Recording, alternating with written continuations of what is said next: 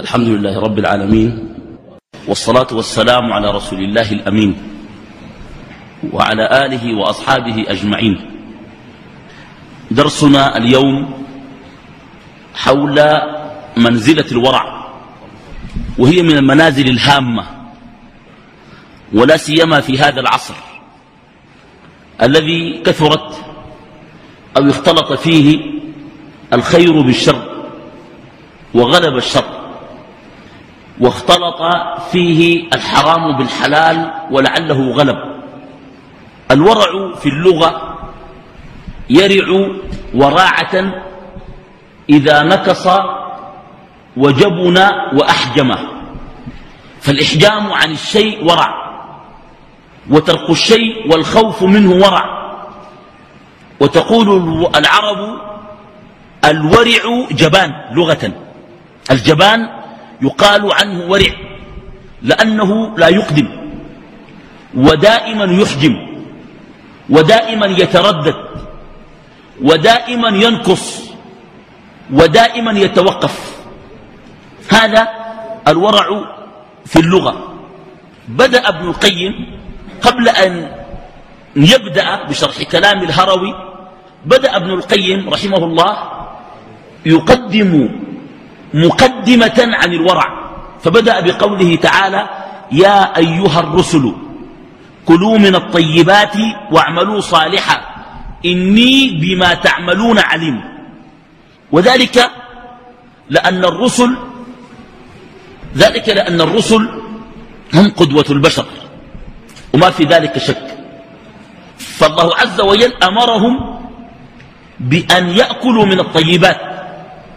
وهذا يشير إلى أن من مفهومات الورع أنه يرتبط بالأكل والشرب وبالحلال والحرام في الكسب. ولذلك بدايته بهذه الآية تشير إلى أن الورع يخص الجوارح وفي الجوارح يخص الأكل والشرب. يا أيها الرسل لأنهم سيأكلون ولأنهم بشر كلوا من الطيبات. وهذا يعني أن لا يأكلوا من غير الطيبات. يا أيها الذين آمنوا كلوا من طيبات ما رزقناكم. وحتى في الإنفاق أمرهم الله أن ينفقوا من طيبات ما رزقناهم مما رزقهم الله عز وجل.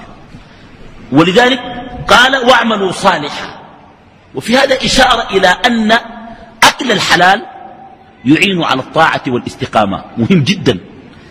إخواننا كثير من الناس لا يستطيع أن يعبد الله لأن جسده مثقل بالسيئات والآثام والحرام فأنى له أن يقوم وأن يعبد الله بهمة ونشاط.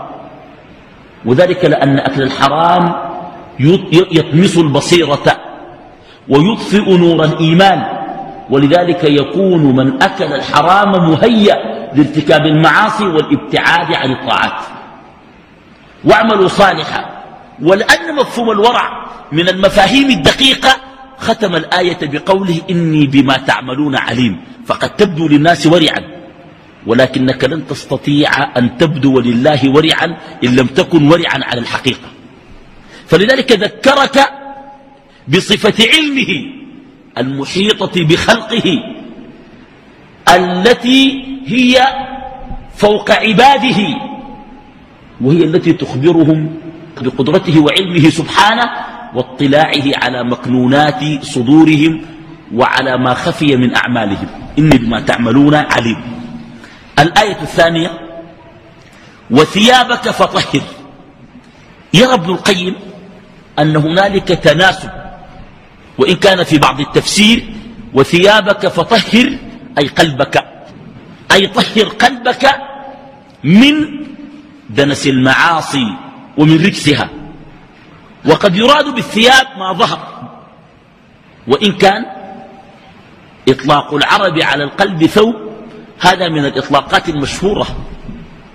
قال فشككت بالرمح الأصم ثيابه ليس الكريم على القنا بمحرم. فشككت بالرمح الأصم ثيابه لو قد جلابيته بتعمل له حاجة. هو كويس ولا ما كويس؟ الجلابية كان شقطت كلها. في عوجة؟ ده, ده معناه شنو؟ أه؟ معناها فشككت بالرمح الأصم ما خلف الثياب. هو شنو؟ القلب والبدن. ولذلك هذا من الإطلاقات. لكن كثير من أهل التفسير يأخذون بظاهر الآية. وثيابك فطهر أي وثيابك الثوب الذي يغطي البدن. لكن ابن القيم يرى أن هنالك تناسب بين الثياب وبين القلب وذلك تناسب الظاهر والباطن. فكما أنك تطهر ثوبك بالصابون من دنس الأوساخ فطهر قلبك بالورع من دنس الحرام. هذا معنى شنو؟ معنى الآية. وهذا من لطيف استدلالات ابن القيم رحمه الله. وفي النوم الثياب تدل على حالة القلب في التأويل في تأويل الرؤى.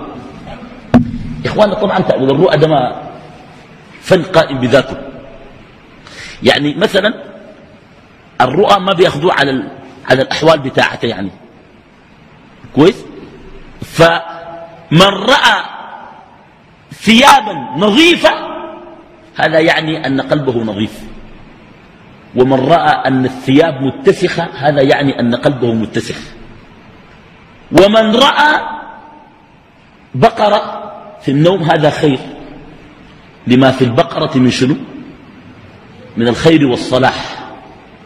قال النبي صلى الله عليه وسلم رأيت فيما يرى النائم كأن بقرا ينحر. فأولت ذلك على أصحابي يقتلون. لأن البقر فيه خير والصحابة فيهم خير. ومن رأى نفسه يطأ غلاما بيعمل فاحشة مع غلام هذا خير سوف يظفر بعدو. ومن رأى أنه يطأ أحد محارمه يطأ بمكة البلد الحرام بقدمه يطأها يدخل مكة ويحج ويعتمر. ليس على ما يتبادر إلى الناس. لأن وطأ المحرم أو وطء المحرم كوطء البلد المحرم ومن رأى أنه أجرى البول والغائط على نفسه إسهالا يأتيه خير كثير. جاء رزق كثير ده. رزق. أي كويس؟ يجيو رزق ده. كويس. لكن رؤيا المرأة في النوم فتنة. كشفت لك مرة سمحة مشكلة كبيرة دي. أعمل حسابك. المرأة في النوم فتنة. لأنها في الدنيا برضه شنو؟ برضه فتنة. ولو كانت عجوز هذه فتنة سيئة. كمان كان عجوز كمان دي فتنة شديدة. وكان ناشر شعرها كمان دي فتنة مطلة إطلال شديد. كان فك شعرها كمان دي مشكلة كبيرة. ف ال ال الرؤى دي أشياء عجيبة خلاص. في, في, في, الرؤى أشياء شنو؟ عجيبة. وإلا سبع بقرات عجاف بسبع بقرات سمان يأكلهن سبع عجاف. بقرات نحاف لقم بقرات سمان أكل النهي الشيء ده كيف ده؟ لأنه يحصل في الرؤى ما لا يتصور في العقل أو ما لا يكون في الحقيقة. فوطء المحرم لا يكون على شنو؟ على الحقيقة. بل تنفر منه شنو؟ منه النفوس. ومن رأى نفسه عريانا هذا تحلل من الذنوب. وإذا رأى نفسه وأجمل الرؤى أن ترى نفسك وأنت تطوف بالبيت عريانا. هذا معناه غفر لك. لأنه قال كيوم ولدته أمه وولدته أمه عريان. ده باب شنو؟ أه؟ باب واسع. باب واسع. ومن رأى أنه عنين يعني ما قادر يعمل لمرته حاجة أو أصابته عنة وعجز في رجولته فقد رجولته في النوم هذا زاهد. وسوف يتجر بغير رأس مال. بيعمل تجارة كبيرة بدون رأس مال. يبقى تاجر بدون رأس مال. ده في النوم. أما في الحقيقة تأويل هذا خلاف شنو؟ خلاف هذه شنو؟ خلاف هذه المسألة. طيب. فالثوب في النوم قلنا شنو؟ دلالة على القلب. ولذلك قوله تعالى وثيابك فطهر إما نفسك وإما قلبك وإما ثوبك الظاهر الذي يتدثر ويتغطى شنو؟ به. طيب. ابن القيم يرى أن قوله تعالى وثيابك فطهر وإن أريد به الظاهر فإن الظاهر يؤثر على الباطن. وهذا صحيح. ولذلك نهى الشارع الرجال أن يلبسوا الحرير. لأنه سوف يؤثر على شنو؟ على حقيقة تكوينهم كرجال. ولذلك الثوب يؤثر. فمن لبس الحرير تخنع وتأنث وإن لم يرد ذلك. يعني الواحد اللي بيلبس الحرير تلقاه كلامه ذاته يبقى زي النسوان حتى لو يتكلم مع إنه ما مرة لكن بعد ذلك بيتخيل. ومن لبس لبس الحرب شعر بالفخر والزهو وأثر ذلك حتى على مشيته. الواحد نفس يكون لابس الكاكي بيختلف لما يكون لابس جلابيته وعمته الكاكي ده ولو في دبابير كمان مشكلة كبيرة. ده بيكون شايف نفسه فوق. بيكون الدبابير دي مؤثرة عليه في مشيته ولذلك نهى النبي صلى الله عليه وسلم عن لبس جلود النمور. عشان كده مركوب النمر ممنوع. لأنه يشعرك بالخيلاء والفخر والزهو والكبر. كده خير زول لابس مركوب نمر بيكون كيف؟ مشيت ذاتك في الوطن ما لا ما ياها. متغيرة. ولا تمشي في الأرض مرحا. إنك لن تخرق الأرض ولن تبلغ الجبال طولا. لما, لما, لما يحصل من تناسب بين الظاهر وبين الباطن. وذلك لأن في الإسلام ينبغي أن يتناغم الظاهر مع الباطن وأن ينسجم الشكل مع الجوهر ومع المضمون. دائما الإسلام بيحب أن يكون ما تكون زور تقي بالظاهر وبالباطن ما تكون تقي ده ما بينفع في الإسلام. وما تكون بيبرى كعب وبيجوه سمح تقول أنا سمح. الواحد تقول يا أخي يا شيخنا استقيم يقول لك التقوى ها هنا. لو كانت التقوى ها هنا لظهرت في الجوارح. صح ولا ما صح؟ فإذا لابد أن يتناغم الظاهر مع الباطن. طيب. يقول ابن القيم عرف رسول الله صلى الله عليه وسلم الورع بكلمة جامعة وعبارة قصيرة لكنها مانعة. الورع شوف تعريفه. قال من حسن إسلام المرء تركه ما لا يعنيه. ده الورع. من حسن إسلام المرء تركه ما لا يعنيه. ده الورع. فكأن الورع يعم ترك ما لا يفيدك وما لا يعنيك من الأمور من الكلام والنظر والاستماع والبطش والمشي والفكر وسائر الحركات الظاهرة والباطنة.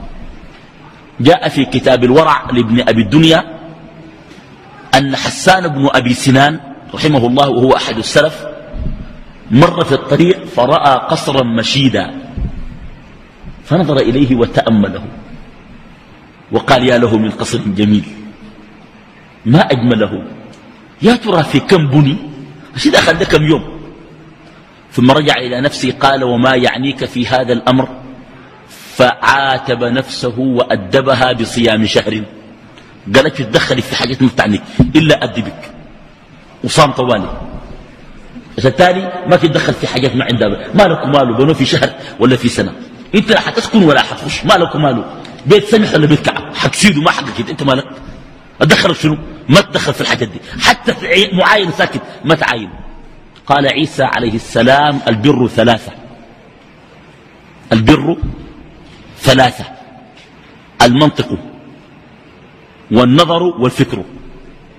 البر في ثلاثة المنطق وفي النظر وفي الفكر.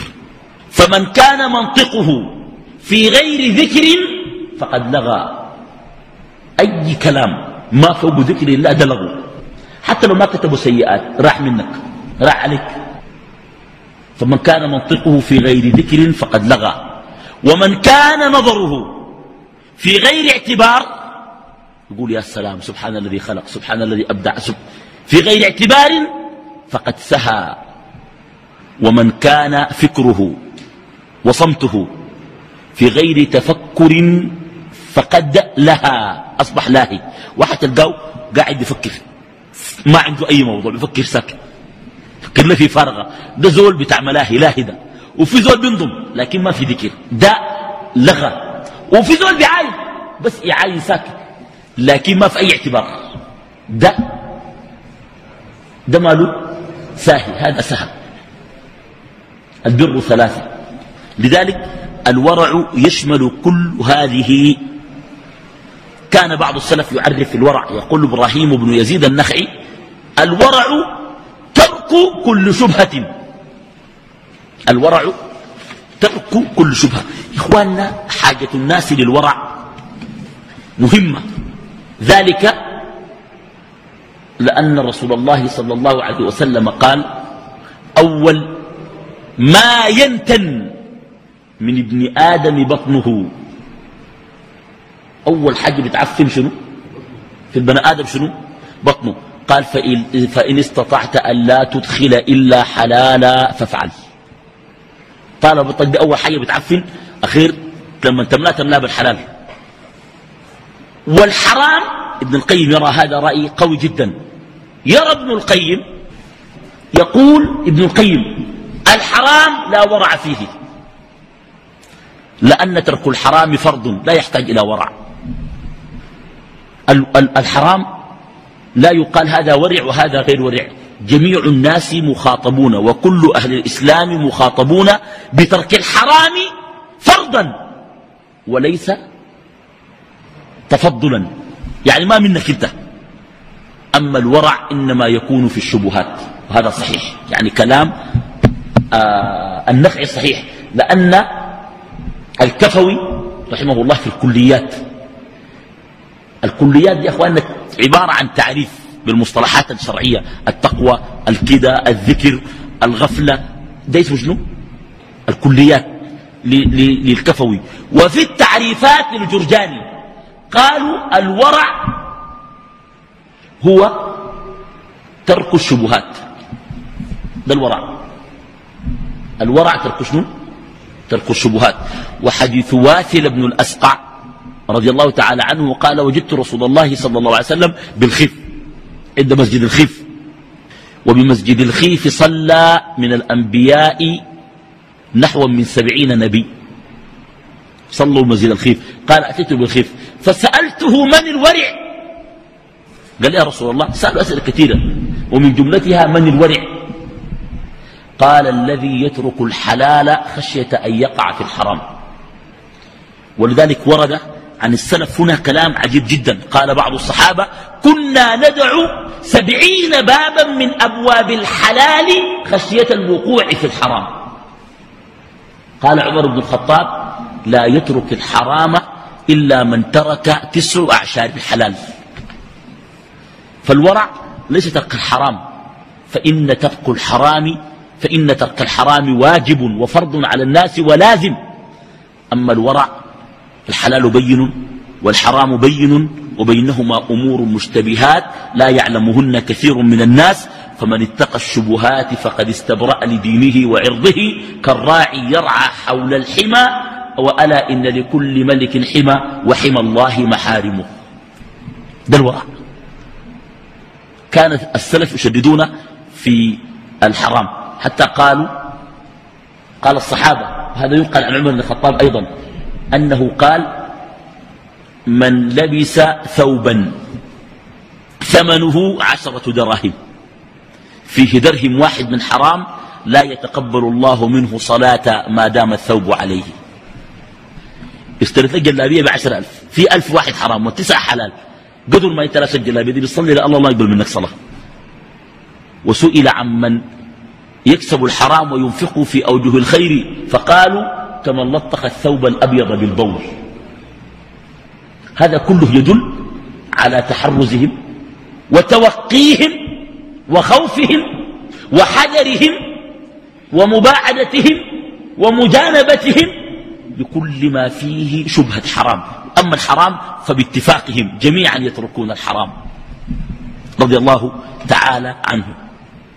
وكان الشبلي هو من المحققين والقائلين في أعمال القلوب الورع ترك أن يتورع عن كل ما سوى الله وكأنه يقصد بذلك أن للقلب والفكر ورعا كما أن للجوارح الظاهرة ورع فورع اليد أن تكفها عن الحرام وورع اللسان أن تكفه عن النطق في غير ذكر الله وورع النظر أن لا تجول ببصرك فيما إخواننا فيما يضرك في آخرتك هذا حرام يعني النظر للنسوان ده حرام. لكن الورع حتى في حاجازاته العمارات تسمح متاع الله ده الورع. لأنه قال من حسن إسلام المرء شنو؟ تركه ما لا يعنيه. كويس؟ ده ما, ما عندك في شغل. كويس؟ ويا اخواننا شوف الحديث ده عنده اتجاهات عجيبة. وده فائدة النبوة. فائدة النبوة أنه أوتي جوامع الكلم. من حسن إسلام المرء تركه ما لا يعني. شوف الكلام ده كيف. معناه حاجة ما ما بتخصك ما تتدخل فيها. حتى لو مباح طالما أنك لا تستفيد منها اتركها. وهذا يعني إعمار الوقت والتفاعل مع الزمن. لأنه الزول ما بيتدخل في حاجة التاني معنى شنو؟ سوف يركز جهده ويستفرغ وسعه. ويبذل غاية ما عنده من طاقة وجهد في في شنو؟ فيما يعنيه وما ينفعه. من حسن إسلام المرء تركه ما لا يعنيه والله الكلام ده. كلام متين شديد. ده حديث عمدة في إدارة الذات. كيف تقدر تدير نفسك؟ الناس يقول لك والله ما عندي زمن. مشغول شديد. مشغول في شنو؟ أي تقول لك مشغول. مشغول في شنو وريني؟ الناس كلها جاري حاجة فيها فايدة؟ يا أخي من حسن إسلام المرء ترك ما لا يعني. الإنسان إذا ركز ده معناه ترك ما لا يعني ما تدخل معناها حتوفر كثير من الزمن الذي كان فيما لا يعنيك وسوف يضيف إليك مش تجود ما يعنيك. سوف تجعل أمور كثيرة من الطاعات لم تكن تعنيك تجعلها تعنيك. عرفت؟ زول بينوم بعد العشاء طوالي. دقت عشاء بيقوم الليل. قيام الليل يعنيه ولا لا يعنيه؟ يعنيه ولا لا يعنيه؟ يعني بيلقى حسنات ولا بيلقى حسنات لكن بعد العشاء يمشي يسوي شنو؟ يتونس. ويقلد جنب الدكاكين وجنب عمدان الكهرباء وفي الميادين وجنب محل الاتصالات والبنشر. ده بيعنيك؟ أه؟ والمسلسلات. بيعنيك ده؟ والأفلام. والسهرة. بيعنيك سهرة الليلة وتسهر معه. ده بيعنيك أه؟ والضمنة. بتعنيك والكشتينة. بتعنيك تركه ما لا يعنيه انت لو مشيت انت بعد العشاء طوالي انت قطع الشك بتقوم الليل. فبتوفر عليك حاجة بتخليك تستفيد أشياء تعنيك. وأنت لم تكن تدري أنها تعنيك سوف تعتني بها. من حسن إسلام المرء تركه ما لا يعنيه الكلام واضح جدا. قال بعض السلف إسحاق بن خلف رحمه الله قال الورع أي ذب يعين الورع من منظار يعني الشبلي نظر إلى الورع من خلال القلب. حتى القلب ينبغي أن يكون ورعا بأن لا يزاحم حب الله في قلبك حب غيره. عرفت؟ هنا يرى الورع في المنطق أشد من الورع في الذهب والفضة. ده برضو واحد من السلف قال كده. قال الزول يكون ورع في شنو؟ في نطقه أشد من أن يكون ورعا في شنو؟ في الذهب والفضة. لأن الإنسان قد يستطيع أن يضبط نفسه في الذهب والفضة لكن في الكلام قد لا يستطيع. لأنك قد تنطق ببعض الكلام المعصية مجاملة لبعض الحاضرين أو مجاراة أو استفزازا. واحد يقوم يقول كلام وأنت تخش معه طوالي. وفي زول كان ما تنضم بيخليك تنضم يجي يحكي لك. يخليك أنت براك تخش الموضوع. يقول لك والله حصل كده وعملوا كده وسووا كده. بالله. أيوه تقول له. أنا عارف أصلا بيسووا الكلام ده. وتخش معهم في الموضوع. هذا إشكال فعلا. كويس؟ وشوف أي زول يجيبوا لك كلام يقول بالله وتاني. يا إخواننا لأن الكلام شهوة. اخوانا الكلام شهوة كده خطر. الكلام شهوة. ويأتي باسترسال. وهو حلو وجميل. كون زول ينضم حاجة سمحة خلاص. عشان كده ممكن تلقى ناس بينضموا لحد الصباح ينضموا بس يتكلموا كلها في فارغة ساكت. قال الفضيل بن عياض رحمه الله أعلم بعض أصحابنا من الجمعة إلى الجمعة تعد كلامه على أصابع يدك. لو قال لك قال كم كلمة عدها ما بيتكلم ما عنده نظم ساكت. وقال تلاميذ عبد الله بن عون صحبنا عبد الله بن عون فكان مما رأيناه فيه. قالت يعني أحد التلاميذ ولقد صحبته إثنة عشرة سنة. أقسم بالله أن الملائكة لم تكتب في صحائفه سيئة تشينه عند الله. قال أنا مصاحبه 12 سنة. أحلف لك في 13 سنة دي إلا يكون بتحت بغادي. لكن وقت ما أنا ملازمه بالليل والنهار ما حصل الملائكة تكون كتبت في الصحيفة شيء يوم القيامة يشينه عند الله. ما بيتكلم. أي كلام ساكن. كويس هنا؟ والله نحن يا أخي الزول بس يجي يفتح لك طرف الموضوع بس بس يدي طرف الموضوع. أنت براك بتتم الباقي. وزيادة من عندك. طرف الموضوع. قال أقسم بالله أن الملائكة لم تكتب عليه شيء في صحائفه تشينه عند الله يوم القيامة. ناس مضبوطين. ولذلك الورع في المنطق شيء عجيب والله. يحكم الزول يكون متحرس. في لسانه قال ابن الجوزي رحمه الله يحكي عن بعض شيوخه ولعله أبو مظفر الخزاعي قال ولقد كنت أتردد عليه ولقد تعلمت من أدبه وورعه قبل أن أتعلم من رواياته وكان مما تعلمته أنه لا يغتاب أحدا ولا يغتاب عنده أحدا ما بيتكلم في زول. ولا يمكن يسمح لزول يتكلم في زول قدامه نهائي. وده من, من السوء الذي وقع في عصرنا. ورب كلمة لا يلقي لها صاحبها بالا. هي من سخط الله تهوي به في نار جهنم سبعين خريفا. كلمة واحدة بس قال لك وهو لا يلقي لها بالا ولا يكون جايب خبر. لأنها من الكلام المعتاد. هذا إشكال. الورع في المنطق خطر.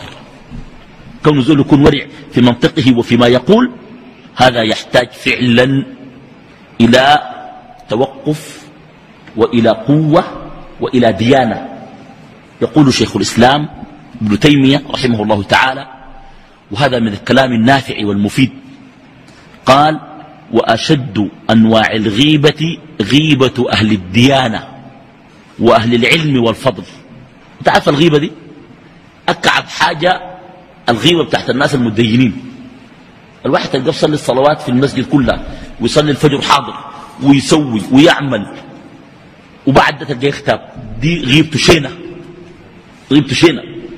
قال وإنه إذا اغتاب يغتاب ديانة. ما بقول لك أنا بغتاب بقول لك أنا بدافع عن الدين. قاعد تتكلم في الناس ويقول لك ده دين. ويطعن فيهم. قال شيخ الإسلام عنهم فمنهم من يغتاب موافقة لجلسائه. يعني واحد تلقى الناس قاعدين وما قادر. الناس منهم كلهم في زول. هو كان ما تكلم برضه معاهم بيصنفوه. يقولوا زول ده مع ذاك أو كذا أو بخاف إنه يجافوه ولا ما يكونوا معه. يعني خمسة نفر قاعدين. والخمسة منهم في زول. الأربعة نظم والخامس ده ما نظم. بيحصل جفوة. ووحشة بينه وبين الأربعة. فإزالة للجفوة وإزالة للوحشة يغتاب موافقة لجلسائه. ومنهم من يغتاب في قوالب الصلاح. هكذا قال ابن تيمية. ومنهم من يغتاب في قوالب الصلاح. يقول فلان مسكين. نسأل الله أن يغفر له. به كذا وكذا وكذا وكذا. برضو غيبة. أو يقول دعونا في من فلان. أو فلان من أحسن الناس. لو أنه ترك كذا وكذا وكذا. قال ابن تيمية وهؤلاء أهل الدين اللي بيكتابوا الناس المدينين اللي بيكتابوا تورعوا عن فعل المحرمات الظاهرة كالزنا ولكن وقعوا فيما هو أشد من الزنا. بل قال ابن تيمية فعلهم بالغيبة أشد من الزنا في الطرقات علنا. أشد من الزنا في الطرقات شنو؟ علنا. ليه؟ قال رحمه الله لأن الحديث قال هذا. قال عليه الصلاة والسلام درهم من الربا يضعه الرجل في جوفه أشد عند الله من بضع وثلاثين زنية. درهم واحد بتاع ربا أشد من كم؟ أه؟ ستة وثلاثين شنو؟ زنية. والربا بضع وسبعين حوب كم سبعين درجة؟ أدناها كأن يأتي الرجل أمه في الإسلام. أقل درجات الربا إثما؟ درك الكبير خلي أقل الربا كمن استحل أو كمن أتى أمة في الإسلام. قال إذا كان هذا الربا فإن الغيبة أشد من الربا. لقوله عليه الصلاة والسلام إن من أربى الربا استطالتك في عرض أخيك. أكعب الربا. أقل الربا في, في المال كمن أتى أمه في الإسلام. أربى الربا استطالتك في عرض أخيك. قال هذا استطال في عرض أخيه. بغير مسوغ شرعي. قد يكون في خلاف فقهي وقد يكون في خلاف في إدارة وقد يكون في خلاف في مسائل اجتهادية وقد يكون في خلاف شخصي. هل هذا يبيح أن يتكلم من خلفه فيه؟ وللأسف الشديد قال ابن القي ابن تيمية وهم من أهل الصلاح ظاهرين ناس مستقيمين وممكن يكون عندهم دقون ويكون بيصلوا في الجوامع وبيقروا قرآن وممكن يكونوا حافظ ذاته. بل في بعض الناس قد يجتمع على الغيبة والكلام في الناس ويفترق وهم يتكلمون في الناس. وفي شباب يمكث في مساجد لا موضوع عندهم لا موضوع لهم إلا أن يتكلموا في الناس. تحت عنوان الكلام في أهل البدع. الكلام في أهل البدع مع بعض ونسق ولا تكلموا الناس تحذروا الناس منهم؟ ومن وجهة أهل البدع ديل؟ أهل البدع وفق الشرع ولا وفق أهوائكم أنتم؟ أنت هل من رأيته أنت من أهل البدع؟ عند الله هو من أهل البدع. أه؟ للأسف الشديد. هذا من الإشكالات. يقول أبو سليمان الداراني رحمه الله الورع أول الزهد. الورع أول الزهد. كأن يعني شبه جاب مثال.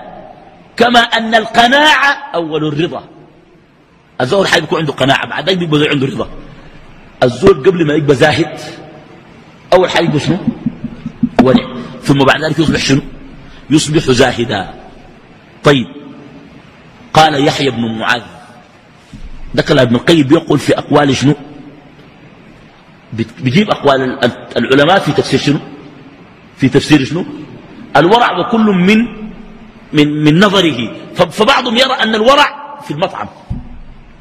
وبعضهم يرى لا الورع في المنطق. بعضهم يرى لا الورع في الفكر. صح ولا ما صح؟ والعقل. وهكذا. يقول ابن القيم أن يحيى بن معاذ كان يقول رحمه الله الورع ورع الظاهر وورع الباطن. ورع الظاهر ورع الباطن. فالظاهر أي لا يتحرك إلا لله. وورع الباطن ألا تدخل في قلبك سوى الله. ورع الظاهر أن لا تتحرك حركة إلا في مشنو فيما يرضي الله. إخواننا مرات الناس بيتحركوا حركات قد تكون طاعة ولكن لا يستحضرون أنها طاعة. زيارة المريض قرب إلى الله. الواحد ما بزور المريض. يقول لك والله فلان ده كان ما زرته شيء قليل في وشي أخيرا زوره هذا زار مريضا ليس لله إنما خوف الملامة والعتاب. عشان بعدين ما يلوموا. يقول لك أنا فلان ده لازم أزوره. كان ما زرته يقول لي في شنو؟ أه؟ في وشي فلذلك كثير من الناس يتحرك حركة معتادة ولا يستشعر العمق الإيماني ولا الأجر والثواب. يمشي يزور المرضى من باب المجاملة. يمشي يشيع الجنائز من باب العادة والاعتياد. يصل الأرحام خوفا من اللوم وليس من باب. ما بكون ماشي رحم ويقول ده رحم والله بدخلني به الجنة ومستشعر. يتبسم في وجه أخيه. ده من الأشياء المعتادة. من باب المجاملة برضه يعني أصلا أو عادته طوال تلقى يتبسم أي زول يسلم عليه بسم ما نكون مستشعر إنه الآن هو بيتصدق. إذا لابد من استحضار النية واستشعار الأجر والثواب عند الطاعات. خاصة الطاعات الأقرب إلى الروتين والعادات. ما في ناس المريض كل الناس بيزوروه لكن قليل هو اللي بيكون مستشعر أن هذه قربة إلى الله عز وجل. عرفت؟ وهكذا. طيب. فبيبقى قال ورع الظاهر أن لا يتحرك إلا لله وورع الباطن أن لا تدخل قلبك سوى الله. ثم ذكر ابن القيم قضية عجيبة. قال أجل أنواع الورع الورع في الرئاسة والمنصب. والله يا إخواننا فعلا.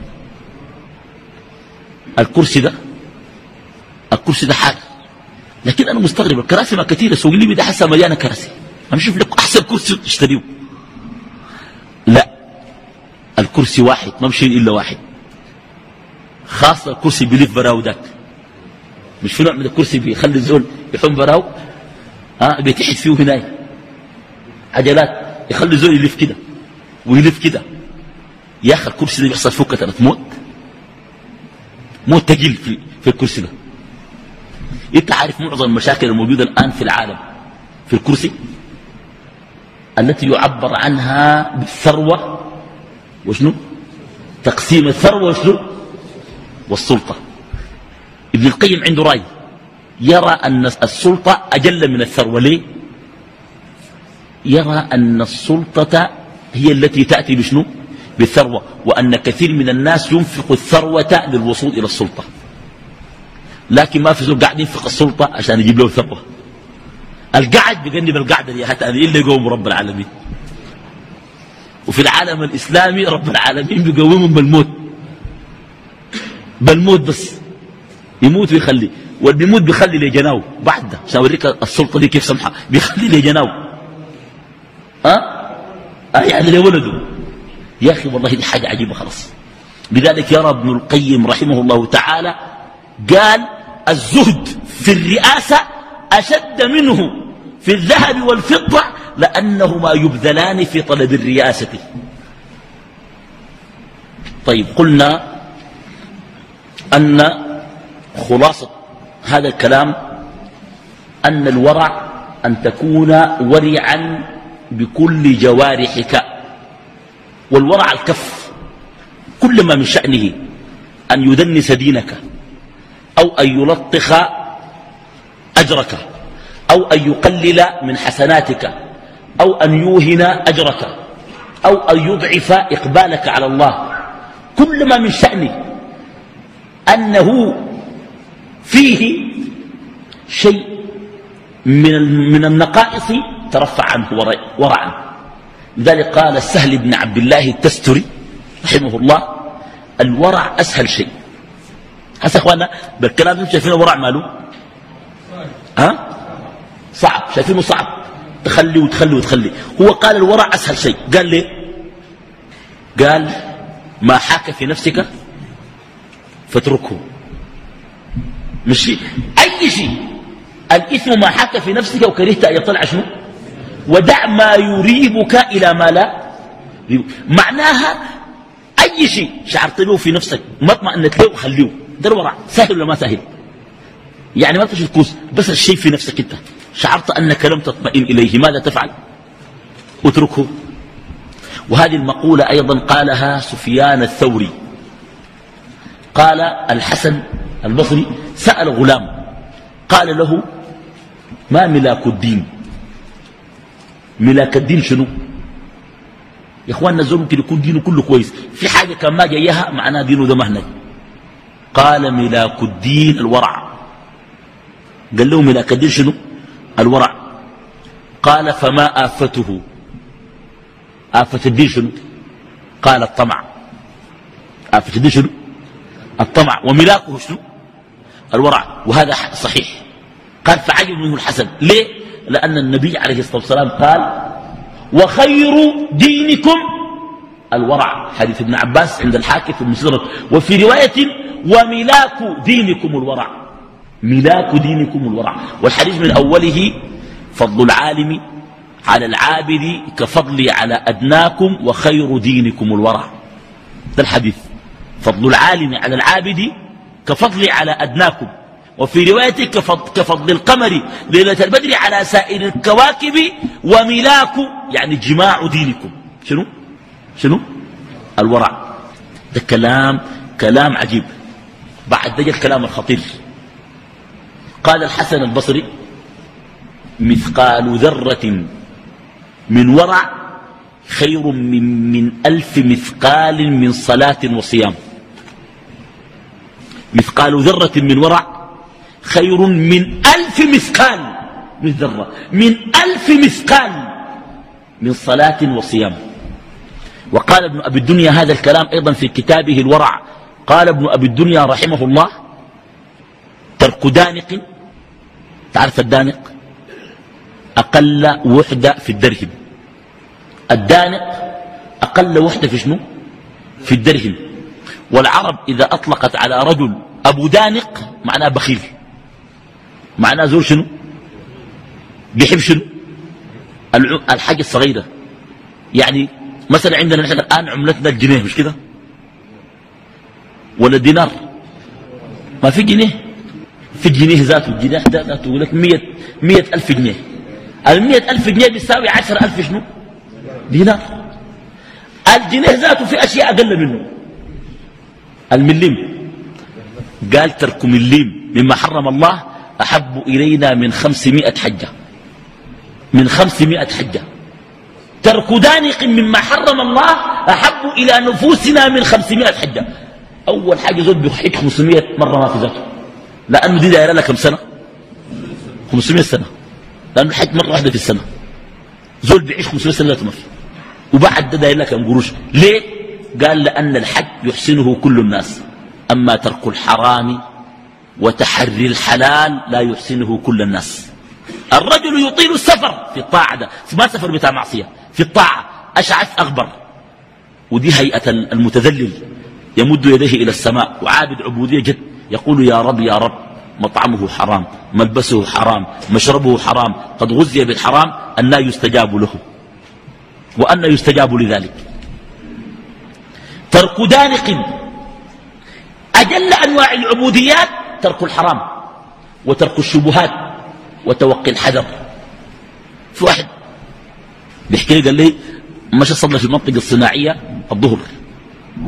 قاموا قدموا قال لا أعمل النصيحة قام عمل له النصيحة وبعد النصيحة دعا لهم. دعا قال اللهم اغننا بحلالك عن حرامك. قال يا مولانا ما تخصص بس قول اللهم اغننا. ما لكم الحلال وما لكم الحرام انت مالك انت؟ بس قول اللهم اغننا. ما دايرين حرامك دي مرة واحدة. داير يغنوا بأي طريقة بحلالك وبحرامك داير يغنوا بكله. كويس؟ قال لي يا مولانا أنت بتخصص ما تضيق. قال له يا مولانا ما تضيق. قال له يا أخي الحلال ده واسع. والله يضيق في الحرام. وفي البخاري يأتي على الناس زمان لا يبالي الرجل ما أكل من حلال أم حرام. يجي زمن ولا بيسأل ذاته. والبيسأل يقول له زول أنت مالك مشدد كده؟ يقول لي عشان يا زول أكل ساكت أكل ساكت. يقول لي ما في عوض يقول أكل ساكت. يقول لك ما عملت كده ذاته في العصر؟ العصر. اللي هو العصر ده شنو؟ يقول له اعصره اعصره يعني شنو؟ يعني اديه تحت الدور حاجة كده قروش. في العصر يقول لك يا زلمه الدنيا كلها ماشية كده. أنت لا تجيب براك أنت عامل فيها نبي ولا صحابي يا زلمه اعصر له انتهي. لو ما عملت كده والله ما يطلع لك أي حاجة يقول لك. للأسف الشديد. وهذا فيه فيه مقامان المقام الأول أن أن الذي يفعل هذا مع الموظف هو لا يريد أن يأخذ ما لا يحل له وسوف يتضرر. عربيته تطلع عليه عنده عمل ما بيعمل له ما حد يسوي له واطه ما حيطلعوا عليه إلا يعصر. المقام الأول الجواز هو مقام الضعفاء لكنه يجوز شرعا. والمقام الأعلى مقام الكمل أن يضيع حقه من أجل أن لا يرتكب حرام من أجل أن تتصحح الأوضاع. وإلا إلى يوم القيامة. ستظل الأوضاع هكذا. وسوف يقنن الباطل. أي زول؟ إخواننا في حاجتين. في موظف يقول لك ما بطلع لك وما لك وما بصدق لك وما حيعملوا لك. حق حقك أنت ما بدك إلا تعصر لهم أنت داير يا تو. داير الضعفاء أعصر له. الإثم عليه لكن أنت ما عليك إثم. وكان داير كلام الناس النجاب المجتمع ده كله كان ما بقى يحصل. هيحصل شنو؟ هيحصل شنو؟ الأوضاع ما لا حتستعدل لكن لما أي زول يعصر ونقول حرام على الموظف حرام على الموظف سوف يستمر الناس على هذه الهيئة ولن تتصحح الأوضاع. وبذلك تفسد البصائر. أعوذ بالله. كويس يختش موظف وتأخذ مرتب تدي تمشي معاه وتعاين في المكان وتسوي وتعمل أي شيء. كويس؟ وما تأخذ ولا تعريف زيادة. قاعد تأخذ أنت حقك. ما بكفيك قدم استقالتك وامشي شوف الشغل اللي بتكفيك. رضيت بالعقود وجيت ما عندك أي شيء تاخذ شيء يعني خارج هذه المسألة عن الناس وهدايا العمال غلول. أنت مش موظف؟ كان ما عصر لك. مرتك ولدك جاب لك خروف السماية ده عصر. هدايا العمال غلول. شفت كان جاب لك فتي الريحة؟ من السعودية جابوا لك ده برضه ده عصر. غلول. كويس؟ وفي ناس بيكون بنوع تاني النعي في الجرايد. يعني زول موظف كبير وفي ناس تجار عندهم معاه مصلحة. قام أبوه مات يطلعوا نعي في الجريدة. بقروش ولا بلا قروش؟ قروش؟ ده برضه عصر. يقول لك الدين, الدين حقنا؟ لا حول ولا بالله. حق في شنو؟ في ناس بيجوا طريق يقول لك الدين حق العشاء. يقول لك الدين شنو؟ حق العشاء. يعني عشان العشاء دي معناها في أكل ويطعم اطعام وكده وكده الناس قد يتعاطف معاه. لكن طالما أنت موظف الرسول صلى الله عليه وسلم قال كلام واضح. قال هدايا العمال غلول. غلول زي السرقة من الحرب زي السرقة من الجهاد. هدايا العمال غلول يأتي بها يوم القيامة. بل ألم يقل في حديث ابن اللتيبة هل لا جلس في بيت أبيه أو أمه؟ ثم يقول هذا شنو؟ أهدي لي. تقول ادوني هدية؟ أدوك هدية باعتبار شنو؟ لو ما في الوظيفة دي كان اداك هدية؟ لأنه يعرفك من خلال الوظيفة. لو كنت زول عنقار ساكت عادي طيب ما يدي العنقار الحيمين دي الهدايا ليه اداك انت هدية؟ لأنك المدير والماسك التصديق؟ الورع ما في ما في ورع مش ورع. ده ذاته ما ده الورع ده حرام عديل ذاته. الورع ده في, في الأشياء اللي فيها شبهات. دي ولا فيها شبهات ذاته دي. دي حرام عديل. أوريني. دي بتقبح حلال كيف؟ كويس؟ واحد قال لي جاني في البيت. قال لي أنا بسوق العربية بتاعت العربات مسؤول من صيانة أنا. قال لي بودي العربية بتاع الورشة. قال لي بيديني حاجة عشان أنا بجيب العربات دي. بديه حاجة بتاع الورشة. عشان ما يودي لي ورشة ثانية عشان ده حرام؟ قلت له ده ولا في وشك ذاته. قال لي يا شيخنا ويا مولانا قلت له اسمعوا الشيء ده ولا في خلاف ذاته بين العلماء. شوف لك موضوع ثاني حتى نقتنع. ولا فيها خلاف ذاته ده حرام ذاته عديد. يا أخي قلت له أنت لا تعرف حرام ولا حلال؟ أرجع لمسؤول كلمهم قول أنا قاعد بتاع ورشة بتاع ورشة بيديني بتحت تحت كلمهم قال لي ما أقدر اكلمهم قلت إذا معناه حرام. في حلال ما بكلمه به ده معناه حرام؟ قال لي أي حرام خلاص اقتنع ذاته. يا أخي سيد العربية خلها. دي شركه وزو شغال موظف وبياخذ على راتب. كويس؟ المفروض يوديها دي شغلته يوديها. ويصينا داك بديه عشان بيجيب له أو يمشي يشتري منه نسبيرات ويقول له طلع لنا حقنا برا الفاتورة ولا جوا الفاتورة أنا ما أعرف يقولوا شنو لكن المهم حاجة كده في الفاتورة؟ هذا لا شك أنه حرام. من غشنا فليس منا. يا إخواننا في بعض الناس بتخيل أن الغش على الحكومة جائز. لكن الغش مع الناس حرام. لكن الغش على الدولة حنقوله حلال. برضه غش ما يجوز. بأي وجه من الوجوه لا يجوز هذا. ولا يستحله. نعم. له من الذنب ولكن ليس ك شوف الحرام ده شيء محسوس دخل. الجوف. ليس ذنبه مثله ولكن يعتبر عاونه ساعده وهكذا. طيب. إذا كلامهم أن ترك دانق مما حرم الله أحب إلى نفوسنا من خمسمائة حجة. ده كلام صحيح. لأن الإنسان قد يصبر على آه أو يقدر على الحج وعلى ويصبر على متاعب الحج ومشاقه لكن لا يستطيع أن يصبر أمام المال. يضعف. ولذلك جاء في تحرز الصحابة رضوان الله تعالى عليهم في الورع أن أبا بكر الصديق هو الصديق الأكبر في الأمة رضي الله تعالى عنه والحديث في البخاري أنه كان له غلام بعد أن تولى الخلافة وكان قد جاع ولم يكن عنده شيء. شوف خليفة المسلمين في جميع العالم جعان وما لاقي حاجة يأكل. مش ما لاقي المال حق المسلمين كتار لكن كثير لكن ما مديدوا عليه. فأرسل غلامه. فذهب غلامه لحاجة له. وجاء بطعام ووضع الطعام وأكل أبو بكر الصديق لقمة وسأل الغلام فقال كنت قد تكهنت في الجاهلية. في الجاهلية كان بيفتح الكتاب وبيدعي علم الغيب. ومن الزمن ذاك ما لاقوه الناس. بياض ما الدولة. الدولة اليوم ديك.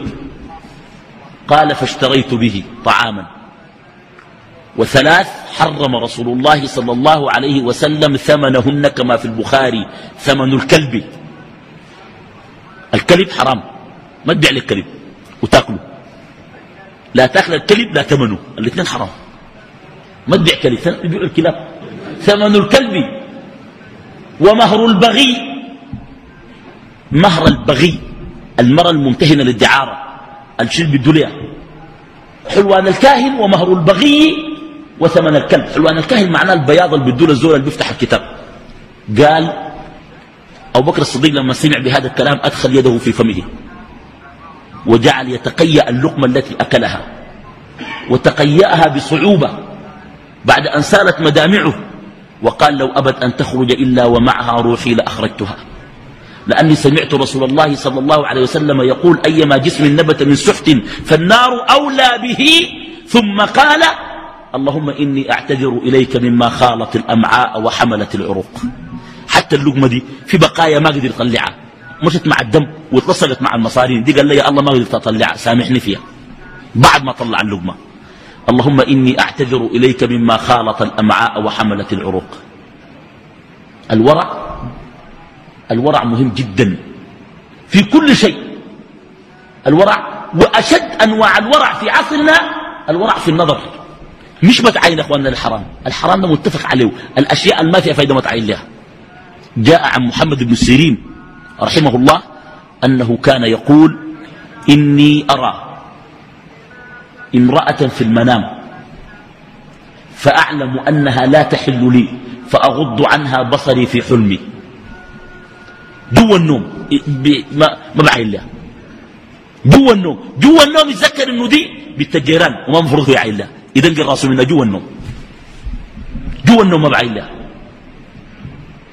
هذا الورع في النهاية هو مقنع في النفس. كده انتهى كلام منه ابن القيم. الدرس القادم يشرح ابن القيم كلام من؟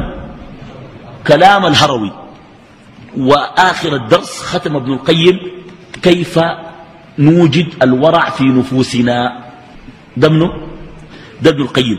وبعدها منزلة تسمى التبتل. التبتل. التبتل واذكر اسم ربك وتبتل. إليه تبتيل التبتل ده ما في قاعد يتكلم عنه. يعني النادر ما الأئمة والخطباء في الدروس والمحاضرات والمواعظ يطرق. مع أنه عبادة من العبادات الجليلة كما سوف نعرف. بارك الله فيكم. جزاكم الله خير. والسلام عليكم ورحمة الله.